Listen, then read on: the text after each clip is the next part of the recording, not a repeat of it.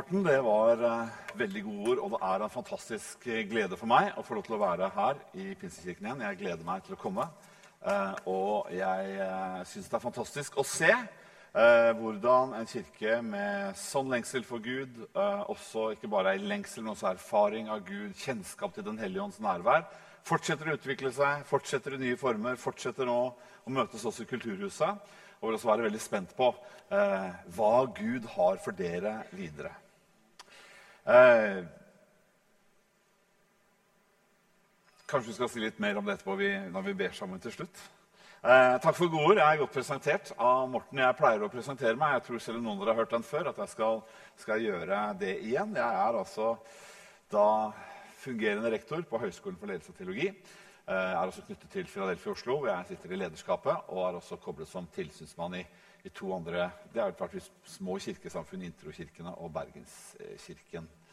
Eh, men mer enn det så er jeg og det har lyst til å stå denne, denne formiddagen for deg sånn Vi er mennesker. Og det var fantastisk å høre denne nye sangen om håp. Eh, for vi trenger håp. Og det er sånn noen ganger at Hvis du leser i salmene, så står det i salmene noen ganger at salmisten sier 'Hvor lenge, Gud'? Uh, og det her er nok ikke en sånn salmehistorie, jeg tror den ikke er helt sann, men det var en som liksom klarte å ha en sånn, plutselig oppdaget at Gud talte til ham. Så han var i behov da, liksom, av og tenkte at jeg, Gud, jeg trenger penger akkurat nå. Men istedenfor å si det rett ut, så, så, spurte han Gud Gud, for deg er jo liksom Du er så mye større enn oss. liksom. Hva, liksom uh, Tusen år. Det er vel bare som ti minutter for deg, det? Jo, sa Gud. Tusen år er som ti minutter for meg. Ja, og liksom To millioner kroner, det er vel bare som en tier for deg, det. Ja, ja, sa Gud. Det er det. Ja, Men Gud, kan du ikke gi meg en tier, da? Sånn, jo da, bare gi meg ti minutter. Vi er der noen ganger. Eh, og når jeg står og snakker til dere denne formiddagen, eh, så har jeg lyst til å være såpass til stede som altså den jeg selv er. Og si at ja, jeg er rektor, og jeg har doktorgrad, og jeg har det der. Men jeg er også, eh, som mange av dere, et menneske som kjemper med utfordringer i hverdagen min. Et menneske som noen ganger er sårbar når jeg syns trykket blir for stort. Eh, men jeg har lyst til å dele med dere denne formiddagen hva det er som gjør at jeg For Paulus sier det sånn Ja da, vi kjemper. Som alle andre mennesker kjemper vi, men vi kjemper ikke som andre gjør. Det er noe vi har som tror på Jesus, som holder oss gående. Vi har et håp, vi har et perspektiv som gjør at selv om utfordringene er det samme, så blir likevel livet helt annerledes. Vi, eh, vi kan reise oss opp en, en, gang til og så skal vi be en kort bønn mens vi kan få opp den første eh, sliden her oppe. Himmelske Far, jeg takker deg for denne kirka. Jeg takker deg, Herre, for nærværet av din ånd her. Jeg takker deg, Herre, for, for, det håpet som også denne kirken Herre, og disse brødrene og søstrene mine representerer eh, for dette området i Norge og for Norge, Herre. Og Jeg har bare lyst til å be i Jesu navn om at du skal la ditt rike komme, Herre. La din vilje skje på jorda på en måte Herre, som gjør at Bærum og Asker og andre steder i Norge blir berørt Herre, av ditt verk gjennom denne kirken. Far, det ber jeg om i Jesu navn. Og så inviterer vi deg, Hellige Ånd, til å komme og opplyse hjertene våre denne formiddagen. Sånn at vi kan bli klokere og enda mer vi kan lære å kjenne deg, Herre. Takk for at du elsker hver eneste en av oss som er her. Takk for at du ser på oss med fars gode øyne. Og jeg ber om at denne morgenen også her skal berøre oss dypt i hjertet med ditt ord, så at du forvandler oss. I Jesu navn. Amen. Vær så god og, og sitt ned. Um,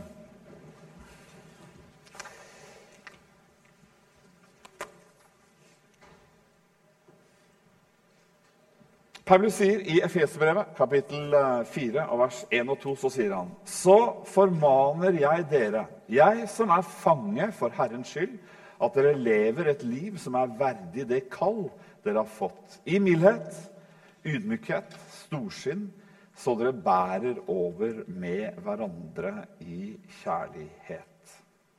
Paulus snakker her om å ha et kall, og det er jo ikke et ord som du liksom møter på overalt i samfunnet for tiden. Men hva betyr det å ha et kall? Og Vi skal få opp et bilde til av noen dere kjenner. Eh, og Det er særlig her mannen på venstre side. Vi skal ikke se liksom helt bort ifra kvinnen på venstre side heller. Det heter jo det at uh, Michelle Obama og uh, de hadde tid nå, selv om det har vært krise på Krim, til å være ute og besøke da på Michelles hjemsted så står det sånn at den beste pølsevognen, den beste hotdogen i Amerika, kan du få på hennes hjemsted. Og uh, Det viste seg at Michelle ble stående og prate lenge med, med pølseselgeren og tenkte at så lenge at Obama ble sjalu. Og så sier han etterpå liksom, ja, hvem var det, liksom? Var det gamlekjæresten? Og da sier hun ja, det var faktisk gamlekjæresten.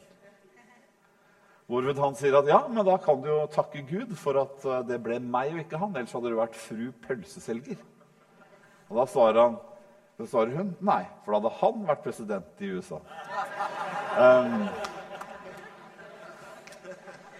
og sånn er det. er president blir man valgt. Men det som er, er at konge som, det er man bestemt til. Man blir på en måte født med en kall, med et bestemmelse. Som gjør at hvis man velger å ta imot dette, så, så blir man konge og kan leve kongelig resten av livet. Og Sånn er det også med hver enkelt en av oss. Ikke fordi vi er nordmenn. Vi tror det er typisk godt å, at at er typisk, vi nordmenn er typisk typisk norsk å være god osv. Men eh, faktum er at alle mennesker, også de som lever under dårligere forhold hos oss i en slum i Nairobi, har et kall til å relatere til. Og har en bestemmelse fra Han som er universets hersker, nemlig Gud. Men på samme måte som kronprins Haakon og Jeg er veldig glad for at Haakon sa at det var en tid han tenkte på at han faktisk vurderte å si fra seg sin bestemmelse og overgi da eh, sitt kall og, og, la det gå videre til andre. På samme måte er det sånn eh, og Nå skal vi ha en sånn teologikveld her på torsdag. Uh, snakke litt om ting, og da, dette blir sånn lite sånn foreglimt, så Noen tror liksom at vi er forutbestemt og ikke kan velge. Jeg tror det er sånn at Gud har forutbestemt oss til gode ting. Men vi har tilstrekkelig fri vilje og derfor også et ansvar til å velge om vi vil si ja til de gode tankene som Gud har tenkt for vårt liv. Dessverre er det også sånn at vi har en mulighet til å si nei. Og Derfor er det her at Paulus holdt jeg på å si, i brevs form stiller seg foran menigheten i Efesus og å si, roper til dem, eller i hvert fall inderlig sier Lev verdig det kallet dere har fått. Gå ikke glipp av den bestemmelsen som Gud har for ditt liv. Og det er det jeg også ønsker. Som et kjempende menneske, som et sårbart menneske, så har jeg lyst til å stå her denne formiddagen med deg og, og be deg inderlig gå ikke glipp av det kallet, den høye bestemmelsen, som er høyere, som er vakrere og som er viktigere selv enn denne bestemmelsen som kronprins Haakon har. Hvem var denne mannen som skrev disse ordene? La oss få opp neste bilde. Paulus var egentlig født Saulus. Og han var på mange måter, um, på mange måter en, en vinner. Han hadde på en måte vunnet, han også. Liksom, liksom vunnet i det globale lotteriet på den tiden. Er du født i Norge, så har du vært født med noen fordeler som dessverre ikke alle har. Og Paulus var født litt sånn. Han var egentlig jøde. Han het Saulus. Han eh, var da født inn i det folket som vi har, eh, og som hele den vestlige sivilisasjonen har jo tanken om én Gud og fra det folket vi har den tanken, har vi også tanken om at jødene var Guds utvalgte folk. Så han var født åndelig privilegert som en jøde inn i Guds folk. Mer enn det vi kan lese i apostlenes gjerninger at han var romersk statsborgerskap. Han var født til romersk statsborgerskap, hvilket betød at også han var født i en familie og hadde en far som hadde romersk statsborgerskap, noe som var veldig sjelden hvis ikke du var født i Roma selv. Grunnen til det kan ha vært, det kan ha vært at han kom fra en teltmakerfamilie. og når vi tenker på telt, hva du tenker på telt, så tenker gjerne jeg fort på litt sånt liksom dårlig fjellreven ikke dårlig, sikkert bra, fjellreven tomannstelt som står liksom i vinden oppe på Hardangervidda. Men, men, det var ikke det som var teltmakker. Altså for F.eks. en romersk armé. Hvis du har sett filmer fra den tiden, så ser du at når romerne er ute og kriga, og det gjorde de hele tiden, så var det kjempestore teltleirer med tusenvis av telt. Så det å være faktisk, det er som deg, det å være på en måte i teltindustrien den gangen var som å være i IT-industrien i dag. Derfor var det kanskje sånn at Paulus hadde blitt Paulus' far hadde blitt rik, og han hadde kjøpt Paulus. Men at Paulus også hadde faktisk råd til få den beste utdannelsen en jødisk gutt kunne få. Han satt ved Gamaliels føtter. Det var da som å gå på Harvard universitet eller Oxford universitet i dag. Eller på Høgskolen for ledelse og teologi på Stabekk.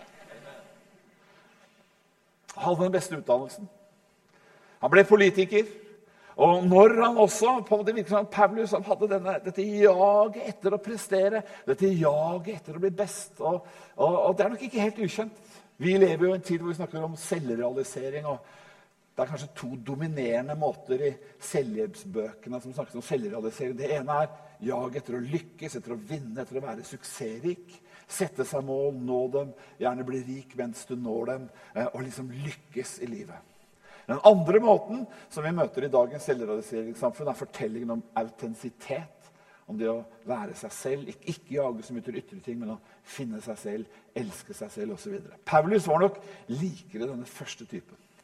For når han da blir religiøs og slutter seg til fariserpartiet, så tar han det mest radikale fariserpartiet, og så er han uklanderlig. Han er perfekt etter loven etter budene og reglene. sier han, 'Jeg levde uklanderlig etter loven'. Det rare og det merkelige er at mennesker som så til de grader lykkes, også med det å holde religiøse bud og regler, blir harde, arrogante, nedlatende overfor de som ikke klarer det. Derfor blir nok Paulus fryktelig provosert når det oppstår en liten, det de oppfattet som en liten sekt på den tiden av mennesker som trodde på mannen Jesus fra Nasaret. Hvem var de? Jo, det var noen fiskere. Altså, jeg tenkte Det var noen liksom sånn småbedriftseier oppe fra, fra Nordland, fra Galilea. I Norge hadde de sikkert kommet fra Sunnmøre, men det er en annen sak. Eh, Jødeland Sunnmøre, det var i Galilea. Der var gründerne. Og så var det noen eh, quislinger, noen tollere, som samarbeidet med romerne, som var dårlig ansett. Så var det noen tidligere prostituerte, og kanskje noen som man ikke helt var i tvil om var med. Disse gikk rundt og var kjempeglade. De hadde ikke lykkes med nesten noen ting. De hadde forlatt, Disse gutta hadde forlatt businessen sin. Men de kalte Gud for far og gledet seg og sang sanger om Guds kjærlighet. Og dette må ha provosert Paulus. Derfor så heter det også om Paulus i Apostlenes gjerninger kapittel 7 at uh, han var enig i beslutningen om å ta livet av den første kristne martyren Stefanus. Og så vinnerskalle, som det heter i dag, så opptatt av å gjøre alt perfekt, var Paulus at han bestemmer seg for at han skal sannelig ikke slutte med Stefanus, men han reiser til Damaskus for å identifisere kristne der og føre dem i lenker til Jerusalem. Og kanskje la den samme skjebnen tilfalle dem som skjedde med Stefanus. Så får vi få opp neste bilde. Så, på veien til Damaskus, skjer det som religionspsykologer og religionssosiologer og andre ennå undrer seg over, så skjer mysteriet. For den Paulus som reiser til Damaskus som en kristendomsforfølger Han kommer tilbake fra Damaskus som en overbevist kristen. Det skjer noe på veien til Damaskus. Det skjer det som Bibelen kaller for omvendelse. Det er at man har én retning på livet, og så snus det helt om. Og Så forandres tankene og sinnet. Metanoa betyr å endre sinn. Og så begynner man å leve for noe helt annet. Jeg skal ikke bruke tid på å fortelle denne fortellingen i detalj, men det som skjer, det er at Paulus slås i bakken av noe som ligner på et lyn. Han slås i øynene så han blir tilnærmet blind. Han føres inn i byen, og der er det en en modig kristen disippel som på oppdrag fra Gud går til Paulus. Paulus nå har vært vant til å vinne. Paulus, som hadde en forakt for tapere. Han tenkte nok Når han hadde hørt stemmen derfra, han sa, 'Hvem er du?' Da svarer stemmen, 'Jeg er Jesus, han som du forfølger'. Da tenkte nok Paulus, som var uklanderlig, som var best i en tenkning som heter loven het øye for øye, sten for sten, tann for tann. Steinet mennesker som gjorde det galt. Da tenkte han nå har jeg virkelig bommet på målet med mitt liv. Jeg som trodde jeg tjente Gud. Jeg har forfulgt Guds egen sønn. Nå kommer mannen. Hva skal han gjøre? Skal han på en måte uttale dødsdommen over mitt liv? Da kommer denne modige disippelen Ananias inn. Sier han litt parafrert, så sier han til Paulus Paulus, Jesus sier til deg Jeg har ikke forkastet deg, men jeg har utvalgt deg. Du skal bære fra mitt navn for landshøvdinger, for mennesker som er i høyre, og du skal være et vitnesbyrd for meg. Da, da, skjedde det en omvendelse med Paulus' liv. Han vendes fra å egentlig også være en som 2000 Eh, år å si, før oss levde et selvrealiseringsevangelium hvor det først og fremst handlet om å være best. Om det først og fremst handlet om å bli best og bygge opp sin egen rettferdighet innenfor Gud. Til å vende seg mot de gode nyhetene som lyser i Jesu Kristi ansikt. Og som ikke handler om hva du og jeg får til men som handler om hvem Gud er. Som handler om Guds nåde og Guds velsignelse. Skal vi få opp neste bilde. Fra den dagen begynner Paulus å leve på en helt ny måte. Han sier disse litt sånn merkelige ordene som står i Galaterbrevet 2, 19 og 20. Ved loven døde jeg for loven, så jeg kan leve for Gud. Jeg er korsfestet med Kristus. Jeg lever ikke lenger selv, men Kristus lever i meg. Det livet jeg nå lever, lever jeg som menneske av kjøtt og blod. Det lever jeg i troen på Jesus, på, på Guds sønn, som elsket meg og ga seg selv for meg. Det er veldig stor forskjell på det.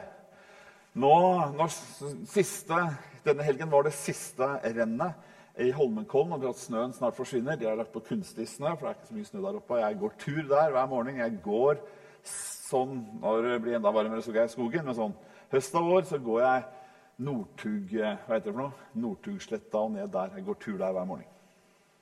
Jeg gikk jo da og tenkte i morgen, å, det er masse kamper, ikke sant? og du lever i livets kamp. Og du syns du får noen slag, og du tenker Gud, jeg vil at høyskolen fra ledelse og teologi skal vinne. Og jeg vil vinne, og jeg vil lære. Så det er liksom som Gud hvisker i øret mitt. Be ikke om å bli en vinner. Oppdag at du er velsignet. Det er noe som er mye større. Det kan hende du blir en vinner gjennom det, men det å være velsignet er veldig mye større. Og det som Paulus oppdaget, det var at meningen med livet og det han skulle leve for, det startet ikke med han, men det startet med Gud. Skal vi ta opp neste bilde? Det første som du er kalt til, den bestemmelsen med ditt liv som du ikke må gå glipp av, det er å oppdage det at Gud har kalt deg til å være en som er velsignet av Gud selv. Ikke av kong Harald eller kongefamilien, men av Gud selv. Paulus sier, Det er det han har oppdaget etter Damaskus. Han sier, 'Lovet være Gud, vår Herre Jesu Kristi Far, som gjennom Jesus har velsignet oss med all Guds velsignelse i Kristus Jesus' utvalgte han oss før verdens grunnvoll ble lagt, til å stå for hans ansikt, hellige og uten feil, i kjærlighet og etter sin gode vilje, avgjorde han på forhånd at vi skulle få rett til å være hans barn ved Jesus Kristus. Det første jeg har lyst til å dele med deg denne formiddagen, Det første som forvandlet apostelen Paulus' liv fra å være en iherdig fyr, så opptatt av å vinne at han faktisk var villig til å drepe andre, det var det som også Ananias på mange måter sa til ham. Han sa, 'Gud har valgt deg. Han har utvalgt deg og ikke forkastet deg.' Ja, små barn i skolen, og små barn på skolen kan ha det tøft. De opplever at det er ikke alltid de blir valgt først på fotballaget. De opplever enda verre at det er ikke alltid at den de aller helst ville vært bestevenn med, blir bestevennen deres. Det er vondt hvis noen snur seg bort. Vi alle hatt erfaringer i livet, og vi tenker at det er typisk meg å tape. Jeg blir liksom aldri valgt. Jeg velger de andre. Men hør Før Gud skapte himmel og jord, så så han deg. Og så valgte han deg til å tilhøre seg, til å være velsignet, til å være hans egen sønn og datter. Hvor sterkt mente Gud det? Jo, vi kan ta neste bilde her. Han mente det så mye at han var villig til å bli menneske. Jesus ble menneske. Han ga avkall på all den herlighet og makt og alt det Gud har i himlene, som vi bare aner. Når universets herre troner i sin herlighet, så ble han et menneske, født i en stall. Han levde et liv i kjærlighet til andre, men på tross av det så ble han forrådt, forkastet av sitt eget folk og hengt på et kors. Ikke bare fordi onde mennesker ville han ondt, men Bibelen sier at det skjedde til fastsatt tid. Gud hadde bestemt det for å redde deg og meg for at du og jeg ikke skulle gå fortapt, men ha evig liv. For at du og jeg ikke skulle være mennesker som lever i forkastelse, fordømmelse, i avstand fra Gud, men for at Gud skulle ved sin sønns eget liv, ved sitt blod, frikjøpe oss, så vi kunne føres fra mørkets rike, fra all forkastelse, inn i Guds rike, inn til Guds nærvær, og sånn at vi foran Hans trone skulle stå ikke bare tilgitte, men skyldfrie. For når synden er sonet, når gjelden er betalt, når Jesus som syndebukken i bibelsk forstand, for syndebukken var i Det gamle testamentet, den som de la syndene til folket på, og så sendte de det bort ut i ørkenen. Når Jesus henger på korset og sier 'Det er fullbrakt', så er det ferdig. Vi er tilgitt. Så vi kan med hans oppstandelse føres framfor Gud som om vi aldri hadde syndet. Vi blir rettferdige, altså uskyldige for Gud. Ikke ved hva vi har klart, men ved hva han har gjort. I stedet for deg og meg. Amen. Da står vi for Gud, sier Luther, som vi aldri hadde syndet. Vi er uangripelige.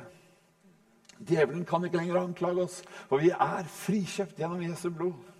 Men mer enn det at djevelen ikke kan anklage oss, så er det det at Gud ser på oss som brudgommen. Her er det samme ordet nemlig som brukes i Det nye testamentet og Det gamle testamentet, i høysangen, hvor denne fantastiske kjærlighetssalmen, Salmos høysang, der står det noen fantastiske ord fra brudgommen til sin kommende brud. Som jeg hadde mye glede av som tenåring også, i og for seg. Der står det om tennene som er så nyklipte sauer, og håret som bølger ned fra Gileads fjell, osv., osv. Vi hopper over midtdelen og går rett til slutten. Og der står det Alt ved deg er vakkert. Det finnes ikke lyte på deg. Det er ikke bare sånn at Gud hadde tenkt han skulle utvelge deg, og så skulle du på en måte være stygg i hans øyne resten av livet, men du skulle i hvert fall være litt elsket. Nei, han har tatt deg fra mørket. Han har gjort deg rettferdig. Jesus Han har kledd deg i Jesu egen renhet og herlighet og ført deg framfor seg. Så han ser på deg og sier, 'Det finnes ikke lyte på deg'. Det er å være velsignet av Gud. Det er å være en kongedatter, en kongesønn, som han selv har kjøpt ved sitt eget blod. Nåde er altså ikke bare noe Gud føler i sitt hjerte. Nåde er det Gud føler og gjør. Og gjør i stedet for oss. vi tar neste slide. Jeg skal ikke bruke mye tid på det, men jeg har bare lyst til å, jeg får ta mer dybde en annen gang. Jeg har lyst til å si det. At det som forandret mitt liv Det var ikke så dramatisk som Damaskus. Men det som forandret mitt liv, det var når jeg oppdaget at også det å leve for Gud det var ikke først og fremst noe som jeg skulle få til selv. Jeg hørte en tale av eh, pappaen til Egil Svartdal, som dere kanskje har sett på TV. Han het Hans Svartdal. og Morten han, kjente han. Han bodde for øvrig i Bærum, tror jeg. Han talte om at rettferdiggjørelse og helliggjørelse altså Rettferdiggjørelse handler om at vi får et rett forhold til Gud fordi Jesus døde for oss. Helliggjørelse handler om hvordan vi skal leve for Gud. Altså klare å si nei til alt dette som frister oss i å bruke livet vårt på feil ting. Og det å leve rett for Gud. Og det er jo sånn at jeg tenkte at liksom, den kampen må jo jeg først og fremst kjempe selv. Og det har vi jo. Vi har jo en kamp hver dag. Nå jo, vi lever i en tid hvor skjermen invaderer livet vårt. Vi kan risikere å havne foran en skjerm, og absolutt alt i verden, både på godt og på vondt, er nesten tilgjengelig et tastetrykk unna. Nå skal vi kjempe den kampen. For meg er det først og fremst en kamp i kvantitet. Og vi må kjempe den. Det er forskjell på å kjempe den selv. Å kjempe den ut fra hvem Gud har gjort deg til i Jesus Kristus. For det han svarte oss, Han siterte egentlig en annen predikant som han sa at helliggjørelse, altså det der å leve for Gud, kunne leve i kjærlighet for Gud og si nei til det som er galt, det er også noe som Gud har gjort ferdig for oss utenfor oss selv. Og da skvatt jeg litt. Jeg, Utenfor seg, Men nei, jeg, jeg må jo ta meg sammen. Jeg må jo klare det. Og så ga Gud meg et bilde. Han ga meg dette bildet fra um, Jeg tror det er 14. mai 1945. Er det noen som kan tenke, se hva dette er? Det er altså da etter at det er altså da, eh, Norge ble jo i teorien frigjort tror jeg var 9. mai, eller sånn, men det var først 13. eller 14. mai at eh, heimevernssoldatene, som da var ca. 30 000-40 000, og det var sånn 10 000 med gevær og resten med sprettert omtrent De går opp på Akershus, møter den tyske generalen på høyre side, som representerer 400 000 mann med tanks, fly og kanoner. Og Likevel så sier han, med 30 000 bak seg og med spretter, sier nå er det på tide, og det kan være et godt symbol på kampen i vårt liv. Nå er det på tide å slutte å identifisere Norge med hakekors og alt det står for. Så heiser vi det norske flagget hvor korset står sentralt. Hvordan kunne de gjøre det?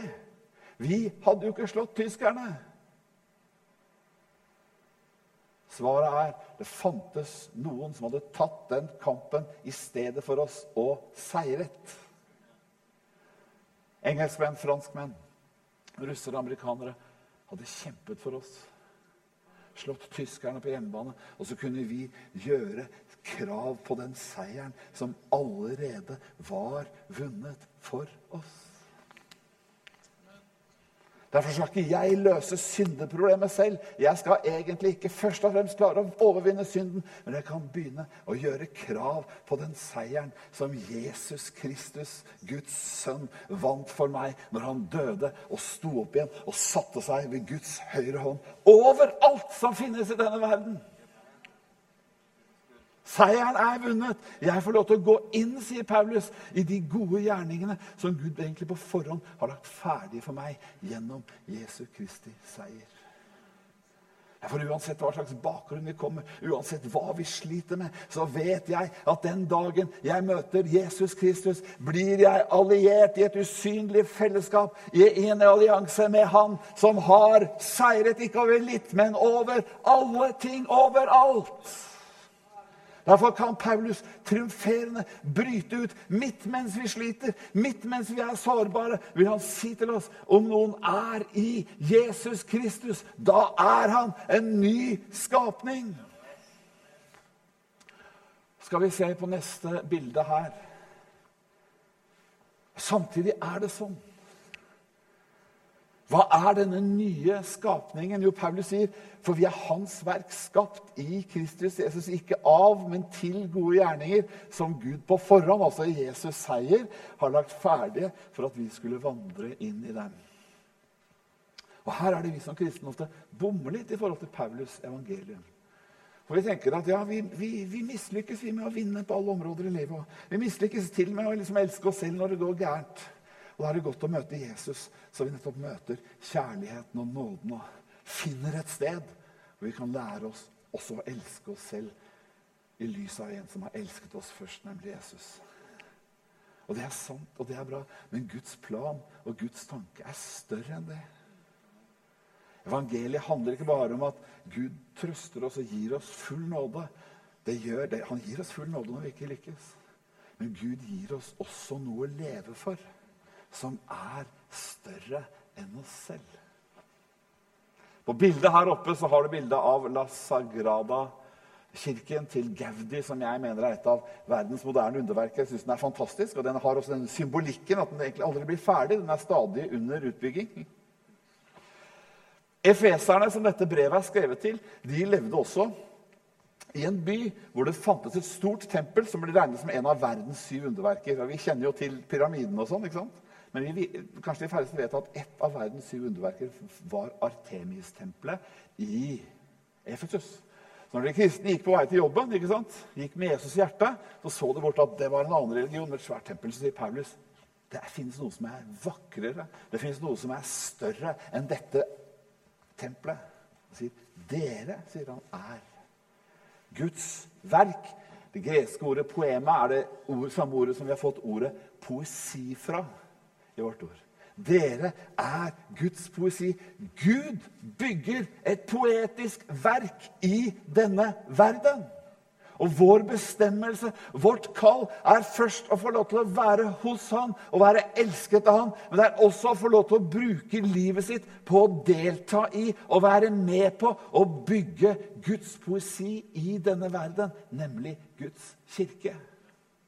Det er vår bestemmelse. Hva er så Kirken? Jo, for det første har vi neste slide. Kirken er et sted for Guds nærvær. Det var Guds tanke med Israel når de står foran Sinai og de møter Gud holdt på å si for første gang, og han stifter pakt med dem. Så sier han dere skal være et presteskap for Gud. Derfor er det alltid fantastisk å komme til Pinsekirken, for her er det lovsang. Her er det mennesker som har skjønt at vi ønsker å tilbe Gud. At det skal finnes et sted på jorden som ikke bare er vakkert utenpå å se på. Det skal være et sted hvor mennesker kan komme sånn som vi er, så sårbare som vi er, med alt vi sliter med. Komme et sted og møte den levende Gud. Hva for en var. Og det er, det er av nåde. det Tony Campolo forteller at den dagen de gjorde opp boet i PTL Ministries Dette var et stort amerikansk TV-evangelist-satellittsak eh, eh, som hadde hatt millioner av seere. Så gikk det galt med ekteskapet, og så endte det som et konkursbo. Eh, da kommer det en mann. Han kommer, reiser ned, tar første fly ned og kjøper da pulten til denne pastoren som da hadde måttet legge ned TV-ministeriet. Men hvorfor reiser du ned? Jo, han sa for fire måneder siden, midt mens alt dette andre foregikk, som de nå må slutte for, så kom jeg ned. Så ba denne pastoren en bønn for meg. Så bestemte jeg meg for å gå tilbake til kona mi. Omvende meg fra min utroskap. Og etter det har ekteskapet vårt blitt helbredet. Midt der hvor alt var galt, så fantes det et sted selv om det ikke var en perfekt kirke. Der fantes likevel et sted hvor Gud kunne være og møte mennesker som trenger hans nåde, som trenger hans gjenopprettelse, som trenger et nytt liv. Det finnes ikke noe større å bruke livet sitt på enn å være med og bygge stedet hvor Gud troner. På menighetens lovsanger, og hvor Gud selv kan komme og møte mennesker i denne byen. Tempel for ånden. Det neste, hva er kirke? Jo, kirken skal være Jesu legeme. Nå har jeg bedt litt. Jeg går inn på slutten her, så Den hellige ånd ødela prekena mi. Det tror jeg han ødela det jeg hadde planlagt. Ja, nå tenkte jeg skulle liksom lande i Efesbrev 4, 1 og 2. Og, og, jeg skal si selvfølgelig er det mildhet, vennlighet, ydmykhet og sjenerøsitet. handler også om dette her at Gud vil ha en kropp i verden. Gud vil ha en kropp i Sandvika.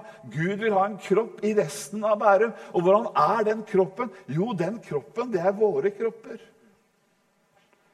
Som når naboen trenger en eller annen som kan hjelpe til hvis det er for mye snø i porten, eller hvis det er noe annet som trengs, så finnes det en kropp der.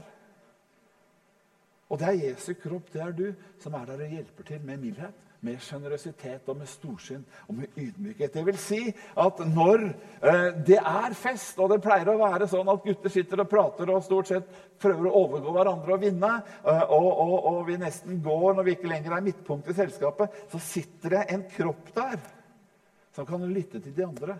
Som kan glede seg over at de andre har det bra, og som ikke alltid trenger å være midtpunktet hele tiden. Og det er Jesu kropp. Det er Jesu kropp i deg.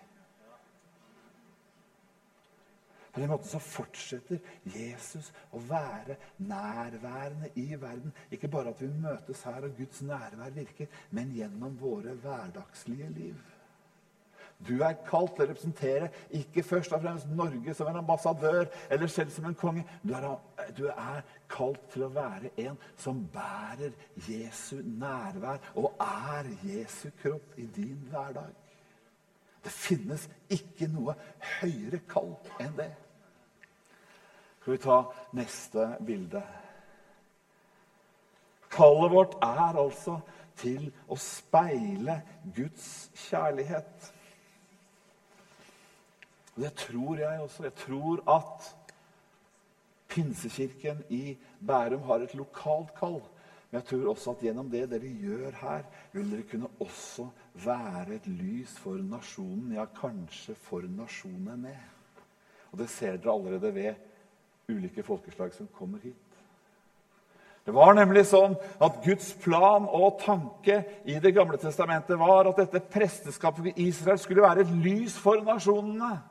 Folkene skulle se ett samfunn, ett fellesskap, hvor man ikke bare, hvor herskerne hersket og folket sloss seg imellom, men det skulle finnes et sted hvor mennesker elsket Gud av hele hjertet og sin neste som seg selv, og dermed holdt de ti bud. Tenk hvilket lys det hadde vært for nasjonene. Det kallet, det fører Kirken videre. Og hvor vi ikke bare skal vise kjærlighet, men også vise nåde. Guds kall til oss det er at Philip Jancy og denne historien det drar det, det sier noe om Guds drøm. og Den gjør meg vondt som far å fortelle, men Philip Jancy kommer til en by. Han treffer en prostituert. Hun står og gråter. Hun sier, 'Hvorfor gråter du?' sier han. Hun sier, denne kvelden har jeg oppdaget at ved å selge den mindreårige datteren min kan jeg tjene ti ganger så mye som å selge meg selv. Hun står og gråter, og han sier fortvilet er det ikke en kirke på dette stedet som kan hjelpe deg. Da svarer hun en kirke. De ville bare fått meg til å føle meg enda verre enn det jeg er. Vi er ikke bare kalt til å være et lys for folkene og leve i kjærlighet. Vi er kalt til å være et lys for dem som opplever som denne kvinnen at hun trenger tilgivelse og omvendelse. Til denne jenta at det finnes et sted hvor det finnes kjærlighet, forbønn og helbredelse. At det finnes håp og helbredelse. Det er Guds plan for kirken. Derfor er det viktigste vi kan gjøre med våre liv, det er å gi vårt liv til å være en del av det som er Guds plan for verden. Det som er Guds poesi i verden, nemlig den lokale menigheten, som er verdens lys og verdens håp. Derfor inkluderer også kjærlighet, offer og lidelse.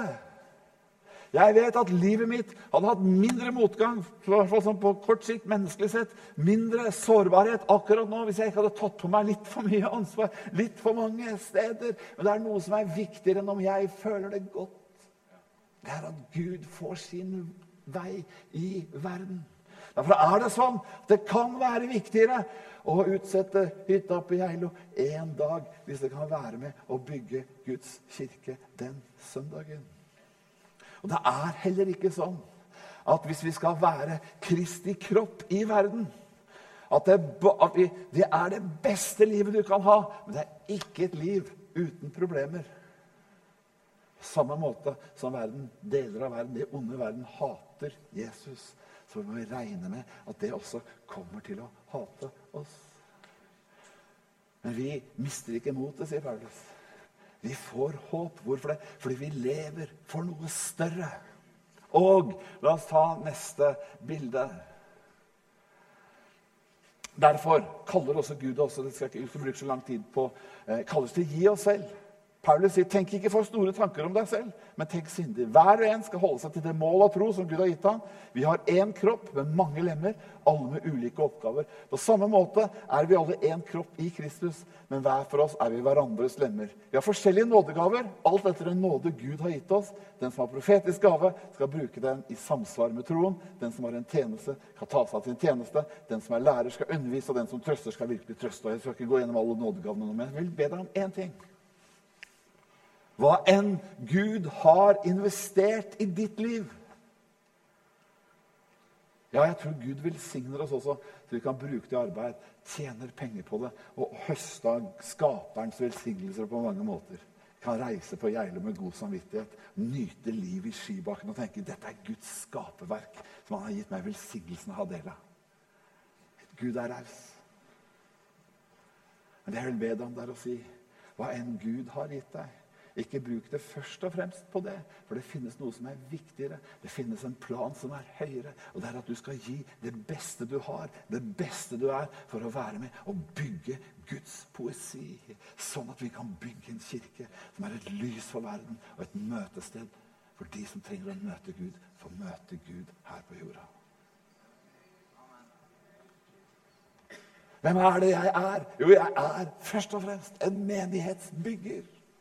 Jeg ble født, jeg ble kalt, jeg ble bestemt av Gud til å være med og bygge et sted hvor han kunne bo på denne jorda.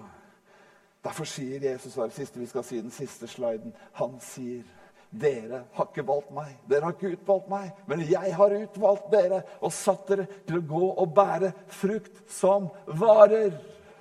De fleste mennesker vil gjerne sette spor etter seg. Det var ingeniøren Eiffels store drøm å sette spor etter seg. Han får bygd Eiffeltårnet i Paris, som jeg med min sønn etter alle planer alt går bra, så skal vi besøke Eiffeltårnet. Han har lyst til å gjøre det. Vi skal besøke det i juli i sommer. Historien om Eiffel er at han nådde det, men han var også en mann som behandlet medarbeiderne sine dårlig. Pyramidene som er en av verdens syv underverker. De er et, eh, et, stempel om menneskets ingeniørkunst og storhet. Men de er også et symbol på undertrykkelse og slaveri, for det var slavene som bygde dette.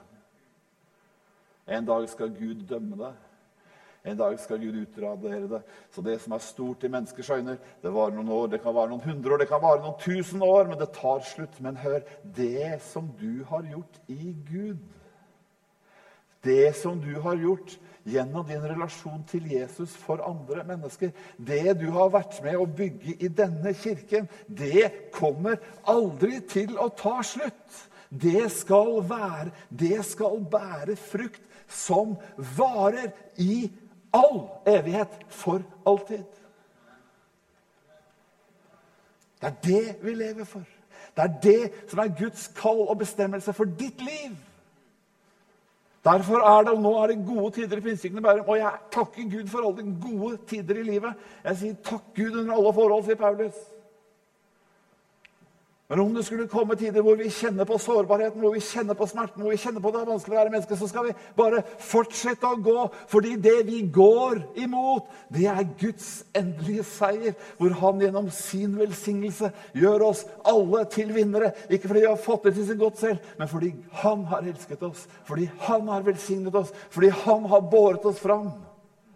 Og gjort oss til mennesker som skal bære frukt i all evighet. Det er det du er med på når du bygger en lokal menighet. Gratulerer. Skal vi be sammen?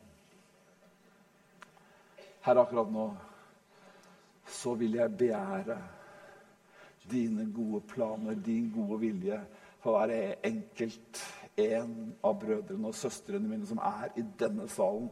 Ja, mer enn det, Herre. Jeg vil begjære din gode vilje din gode bestemmelse, ditt gode kall for alle som sogner til denne menigheten nå. og som ennå ikke gjør det, men kommer til å gjøre det, Herre. Fordi du har en plan. Du har elsket og utvalgt ikke bare oss, men alle som bor